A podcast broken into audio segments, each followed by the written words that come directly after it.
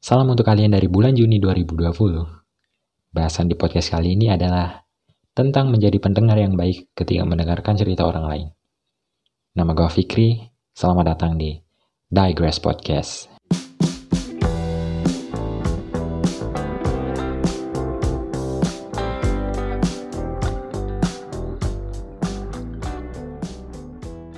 Hai semua, apa kabar? Semoga baik-baik saja. Sebelumnya gue mau cerita dulu. Jadi semalam, gue nonton sebuah video di mana di dalam video ini menceritakan tentang orang yang mengalami mental illness. Dan diceritakan kalau orang ini mengalami mental illness gara-gara buruknya respon orang di sekitar dia.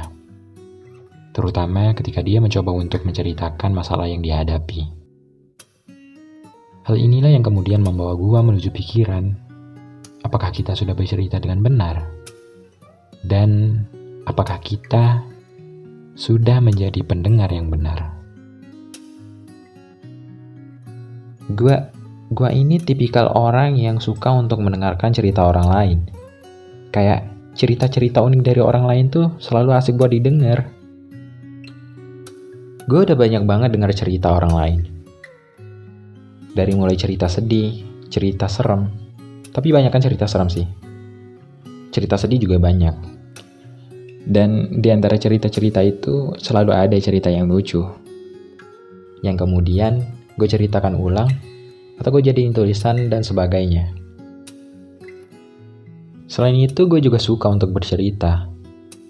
Cerita gue habis ngapain aja, cerita hari gue kayak gimana.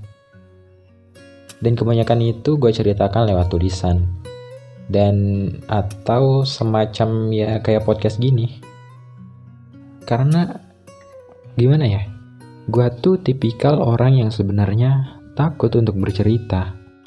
Karena gua takutnya orang-orang yang mendengar gue cerita malah ngasih respon yang gak baik akan cerita-cerita gue. Gue udah hidup cukup lama ya untuk menyadari kalau gak semua orang tertarik sama kita gak semua orang tertarik sama cerita-cerita kita. Dan gak semua orang tahu bagaimana caranya menjadi pendengar yang baik ketika mendengarkan cerita orang lain.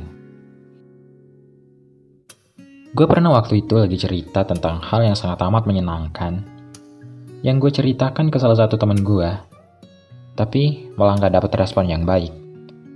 Jadi, gue cerita ya kayak cuman for the sake of my happiness doang, karena nggak serius didengerin. Kayak nggak benar-benar didengerin gitu loh. Jadi kayak gue udah ngalamin sesuatu yang sangat amat menyenangkan. Sampai kayak bikin terngiang-ngiang. Terus tiba-tiba gue ceritain ke orang lain. Dan orang itu kayak cuman oh iya hmm, hmm. dan parahnya orang ini malah lebih fokus sama HP-nya ketika gue sedang sibuk bercerita ke dia. Jadi gue tuh kayak yang apa seenggak menarik itukah cerita gue buat lo? Seenggak menarik itukah cerita yang gue sangka menarik bagi lo? Masalahnya adalah, dan kita nanggepinnya salah, orang itu nantinya malah jadi kehilangan sesuatu buat dibanggain gitu loh. Kayak, kayak dia tuh udah ngebikin cerita sehebat-hebatnya, udah ngebikin hidupnya penuh dengan cerita yang paling dia suka di dunia, terus malah dihancurin sama kan gak tertarikan orang sama cerita tersebut. Yang dasarnya bukan karena orang ini nggak suka ceritanya, tapi karena cara nanggepinnya aja yang salah. Sebelumnya gini ya, tolong bedakan konteks antara bercerita sama ngobrol. Kayak ngobrol itu ya ngobrol dua sisi, kayak lo ngomong A dia ngomong B, saut-sautan gitu. Tapi kalau cerita itu beda, kayak kita habis ngalamin sesuatu yang baik, sedih, uh, kacau segala macam itu tuh artinya beda. Kayak kita tuh udah percayain cerita kita ke dia. Dan harusnya cerita itu ditanggepin dengan sewajarnya. Banyak di antara kita yang suka salah nanggepin cerita. Yang akhirnya ya berakhir dengan gak baik. Kemudian gue jadi pengen ngebahas tentang kira-kira gimana cara nanggepin cerita yang baik dan benar. Uh, sebelumnya ini adalah pandangan subjektif gue. Ini adalah apa yang gue yakinin benar. Jadi mungkin kalau beda sama apa yang lo pikirin ya wajar lah. Tapi semoga dengan apa yang gue yakini benar ini, bisa ngebantu lo jadi orang yang bisa dengerin cerita orang dengan versi yang lebih baik. Pertama, waktu ada orang yang cerita, ketika ada orang yang ngeluarin keluh kesahnya ke lo, lo cukup diem dan dengerin dia cerita. Jangan malah asik sendiri. Kayak, misalkan ada orang yang cerita nih, terus kita kayak ngebuka-buka Facebook, buka-buka YouTube, ngetik-ngetik segala macam. Gak bisa gitu kita kalau ada orang cerita tuh dengerin gitu loh. Jangan malah fokus sama hal-hal yang nantinya malah ngedistract cerita itu masuk ke dalam kuping lo. Soalnya agak nyebelin sih ketika kita cerita ke orang, terus orang itu malah fokus ke hal lain. Intinya, jangan ngelakuin hal-hal yang nunjukin kalau lo nggak tertarik sama ceritanya. Kayak contohnya, gue akan sangat sebel sama orang yang kalau gue ceritain, tapi malah fokus sama HP-nya. Pasti banyak di antara kita yang kayak gitu. Dan nyebelinya itu karena yang dilakuin itu sebenarnya nggak penting. Kayak scroll-scroll IG, atau buka WA, terus ke home, scroll kiri kanan, terus balik lagi ke WA.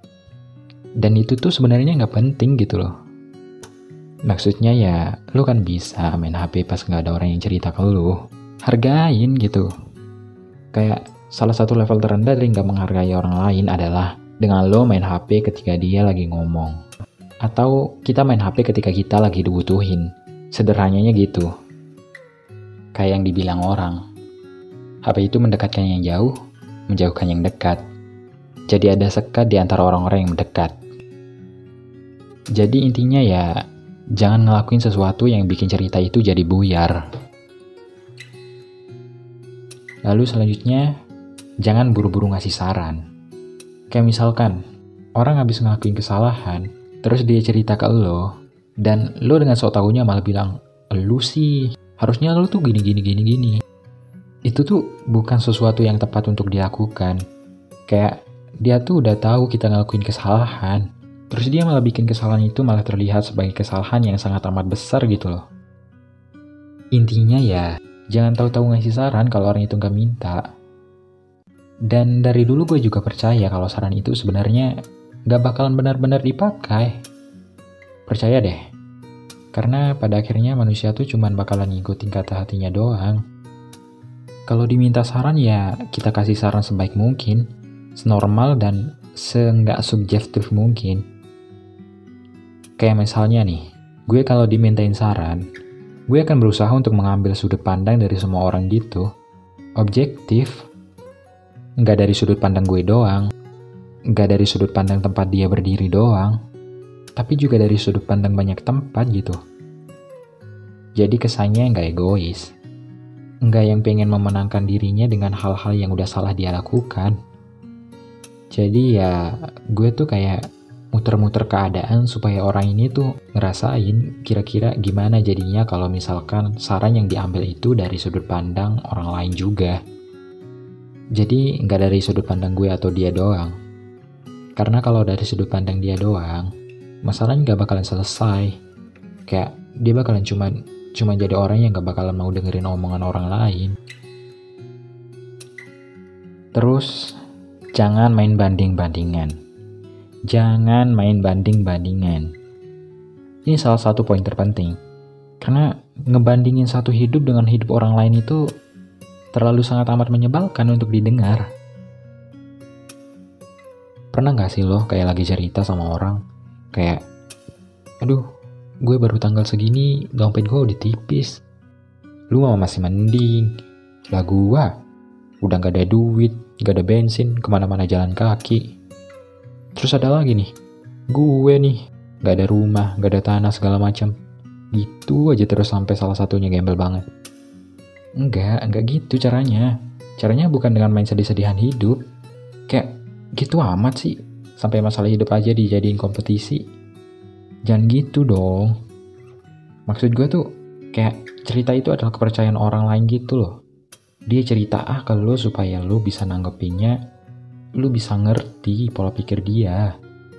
Ngebandingin satu hal dengan hal yang ini tuh gak selamanya berhasil Bahkan bisa gue bilang lebih sering gak berhasil. lu tuh ngasih motivasi dengan cara yang salah.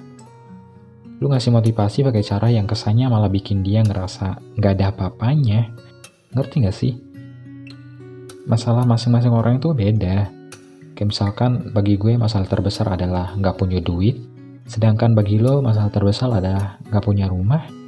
Sedangkan gue punya rumah, tapi nggak punya duit, bukan berarti masalah lo yang paling parah dong. Terus lo bisa bandingin masalah hidup lo dengan masalah hidup gue? Nggak bisa gitu dong. Nggak lo doang yang susah, iya gue ngerti. Tapi ya jangan dipukul rata gitu lah. Masalah yang berat buat orang belum tentu berat buat lo. Dan begitu juga sebaliknya. Kadar kesedihan orang tuh beda-beda. Main perbandingan itu bukan hal yang bagus untuk dilakukan. Hmm, lalu mungkin ini bakalan jadi yang terakhir. Ini akan jadi tata cara terakhir mendengarkan cerita orang lain versi gua. Yaitu adalah jangan pernah menyepelekan kalimat jangan kasih tahu orang lain. Kayak yang gue bilang di awal, orang bercerita ke kita karena dia udah percaya sama kita. Tapi ada level yang lain lagi. Dengan kalimat jangan kasih tahu siapa-siapa, artinya lo mungkin salah satu atau malah satu-satunya orang yang dia ceritain. Dan itu jauh lebih dalam maknanya, gak bisa disepelin gitu. Masalahnya adalah banyak orang-orang di luar sana yang dengar kalimat ini malah jadi amunisi gibah. Ada orang-orang yang benar-benar bingung buat nemuin orang. Sampai akhirnya ketemu satu orang yang akhirnya ngerasa bisa percayain cerita itu ke satu orang ini. Dengan kalimat jangan kasih tahu siapa-siapa, itu tuh harus lo hargain banget loh. Emang sih susah buat jaga rahasia, susah buat nggak ngomongin sesuatu. Tapi jangan kasih tahu siapa-siapa itu terlalu berharga, terlalu berharga buat lo rusak, terlalu berharga buat lo jadiin bahan gibah.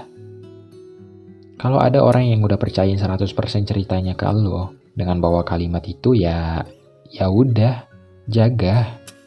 Jaga kepercayaannya dia, ada satu kalimat yang gue temuin di sosial media yang bilang rahasia lo aman sama gue. Kecuali ke sahabat gue, ke pacar gue, ke tetangga gue. Ya enggak gitu. Banyak, banyak di luar sana kayak ada cabangnya gitu loh. Dia nggak bakalan kasih tahu ke semua orang, kecuali ke satu orang. Kan panjang ceritanya. Jadi orang-orang tertahu semua. Jadi apa fungsinya? Jangan kasih tahu siapa-siapa kalau ujung-ujungnya semua orang bakalan tahu.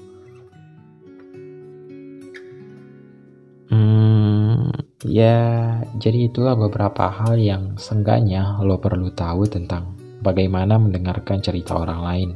Menurut gua. Hmm, kayaknya sampai di situ dulu deh. Podcast ini bakalan gue tutup dengan salah satu kalimat dari Stephen Covey banyak orang mendengarkan bukan untuk memahami, mereka mendengar untuk menjawab. Jadi, inti dari semua obrolan ini adalah mendengarlah untuk memahami, bukan untuk menjawab. Nama gua Fikri, sampai jumpa di podcast selanjutnya. Hmm, satu lagi.